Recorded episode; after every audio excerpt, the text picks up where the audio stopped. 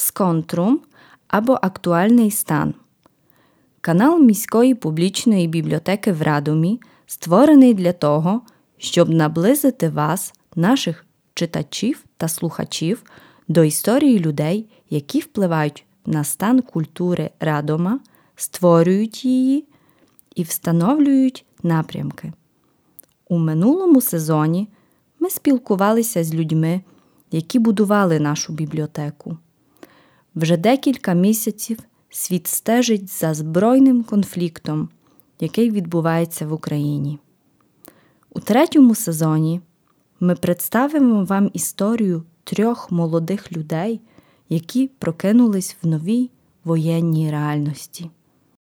Mam na imię Amelka, mam 14 lat. Мене звати Амелька, мені 14 Україні. років. Є 166-й день війни в Україні.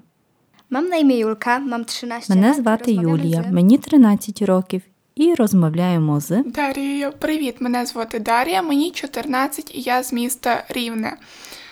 А, сьогодні розкажу вам про е, як я опинилася в Польщі, про перші дні війни, як я себе почувала і що взагалі було тоді. Що... Jakie masz wspomnienia z pierwszego dnia wojny? які в тебе спогади з першого дня війни? Війна для мене почалась о 6 ранку.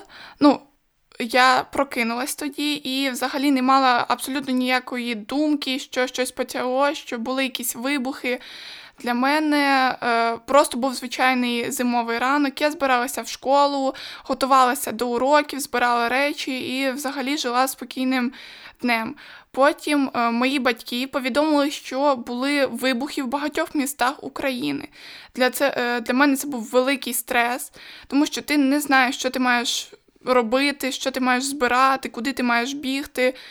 А, Тата визвали тоді на роботу, і ми з мамою просто залишились вдвох. Ми е, якби збирали речі і е, одне одного заспокоювали для того, щоб е, ну, не панікувати і е, адекватно сприймати всю ситуацію. O czym wtedy myślałaś? Про що ти тоді думала? Не було якихось конкретних думок, ти думав, що робити, чи всі в порядку, чи е, ти маєш кудись бігти, що ти маєш збирати. Е, я в той день я максимально намагалась написати друзям, знайомим, рідним, як вони, де вони, що вони роблять. Е, в багатьох тоді була паніка, і ніхто не знав, що робити конкретно, тому що ніяких вказівок не було, і ти просто ну, маєш сам собі вирішити, що ти маєш робити. Mm, wiadomo, było wcześniej słychać jakieś Відомо, що було чути щось, що відбувається, але чи уявляла ти собі, що прийде день, який аж так змінить твоє життя? Взагалі, якби думки про війну закрадали ще давно. Мої батьки сварилися за, скажімо, за два тижні до початку війни. Вони мама казала, що буде війна, тато казав, що не буде. Це був доволі великий конфлікт в нашій сім'ї, і е, батьки якось намагалися придумати, точніше, мама, як можливо відправити мене в Польщу або виїхати, але до якоїсь конкретної думки вони не прийшли. Я взагалі не думала. Я здавалося, що в 21 столітті взагалі такого відбутися не може, тому що це, ну, це цивілізовані країни, які не можуть почати війну в якийсь один конкретний день.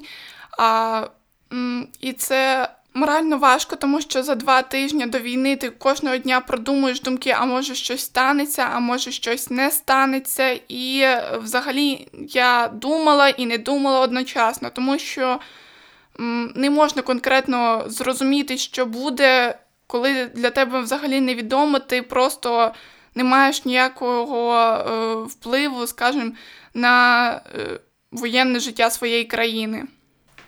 Jak się czułaś, kiedy przekraczałaś granicę? Як ти почувала себе, коли перетинала кордон?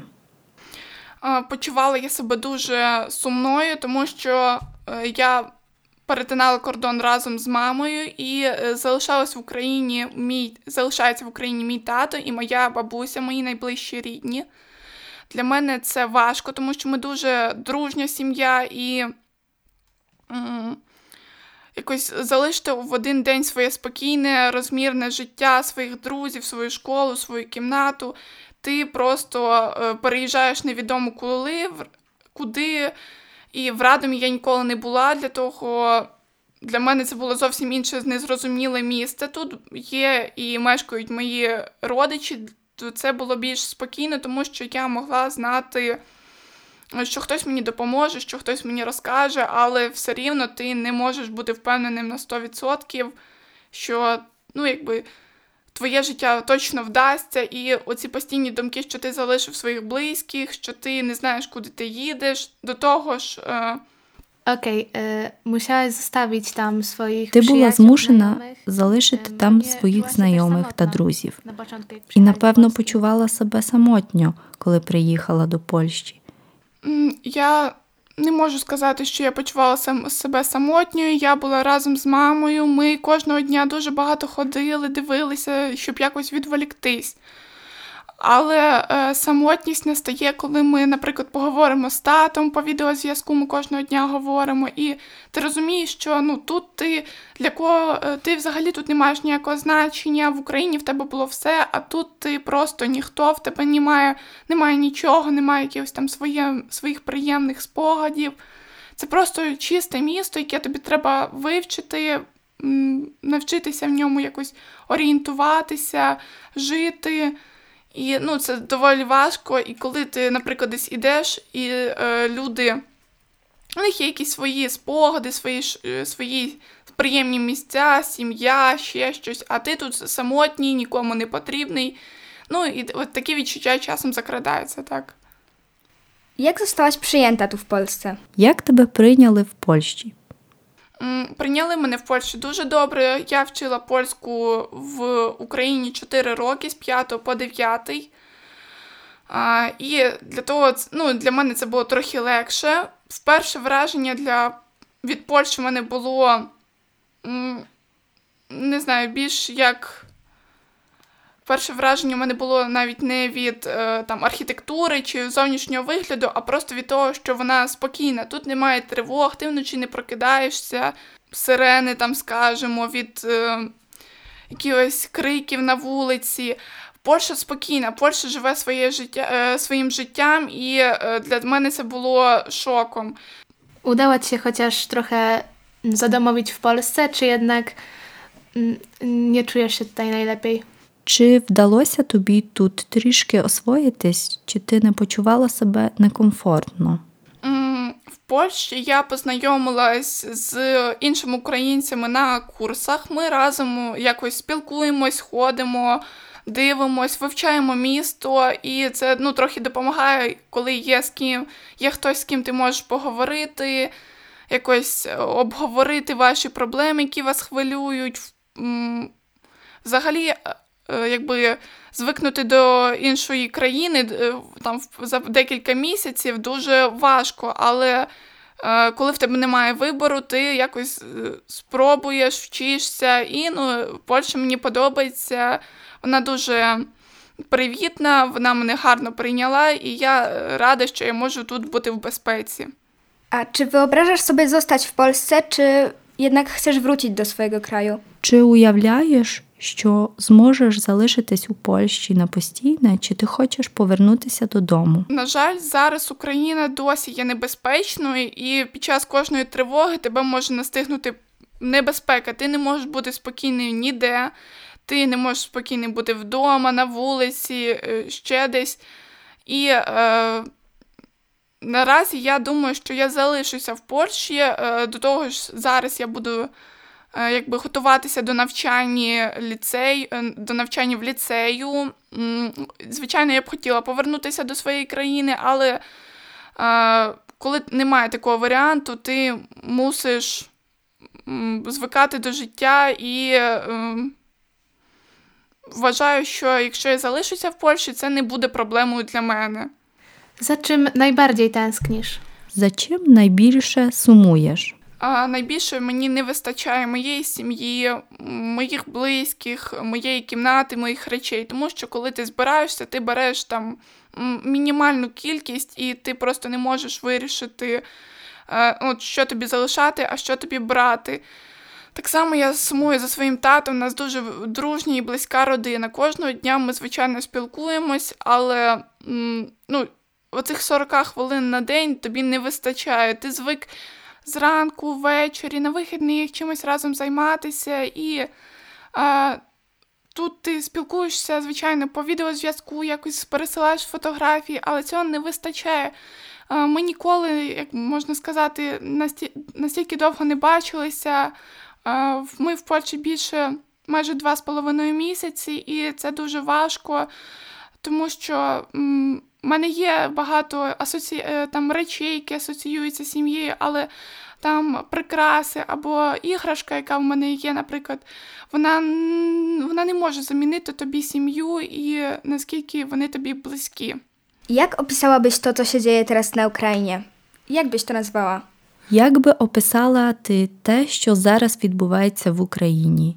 Як би ти то назвала? А, Назвала б я це геноцидом, як би це важко не звучало.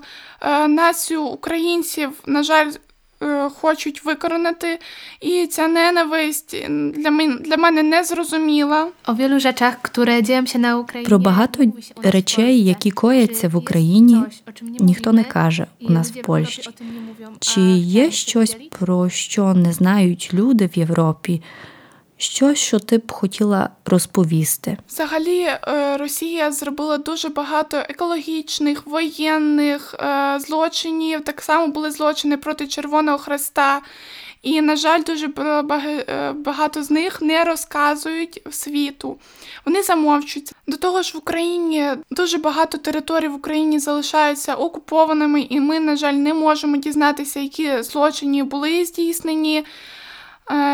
І не, у нас немає доступу до цих територій, дізнатися, як там люди, як їхнє е, самопочуття, чи вони щось потребують. Я дуже сподіваюся, що ну, дуже швидко території будуть звільнені, і, е, і людям, які там знаходяться, допоможуть, що вони спокійно переживуть це, що всі виживуть, що не буде ніяких більше терактів. Чи є coś, co chciałabyś przekazać światu? Чи є щось, що б ти хотіла передати світу? Хотіла би попросити і передати світу, що війна не закінчилась. Дуже багато вважається, що зараз не йде обстріл. Обстріли йдуть кожного дня і кожного дня гинуть люди. На жаль, це відбувається сьогодні і буде відбуватися, якщо не зупинити Росію, не зупинити країну агресора. Я б хотіла, щоб люди не ігнорували цю проблему, щоб вони жили. Е, жили з думкою, що десь гинуть люди, діти, і кожного дня страждають вони. Хотілося б, щоб е, кожен, в кожен в світі хоча б якось допоміг матеріально чи поширив просто новини про війну. Не потрібно забувати, вон, зараз Україна своїми територіями і своїми людьми закриває Європу від війни. І е, це дуже важко, тому що швидше всього, кожен українець знає того, хто постраждав або вже загинув від, від війни. Потрібно про це говорити, казати, чути, розказувати, е, розказувати своїм друзям, знайомим, рідним, е, колегам з роботи.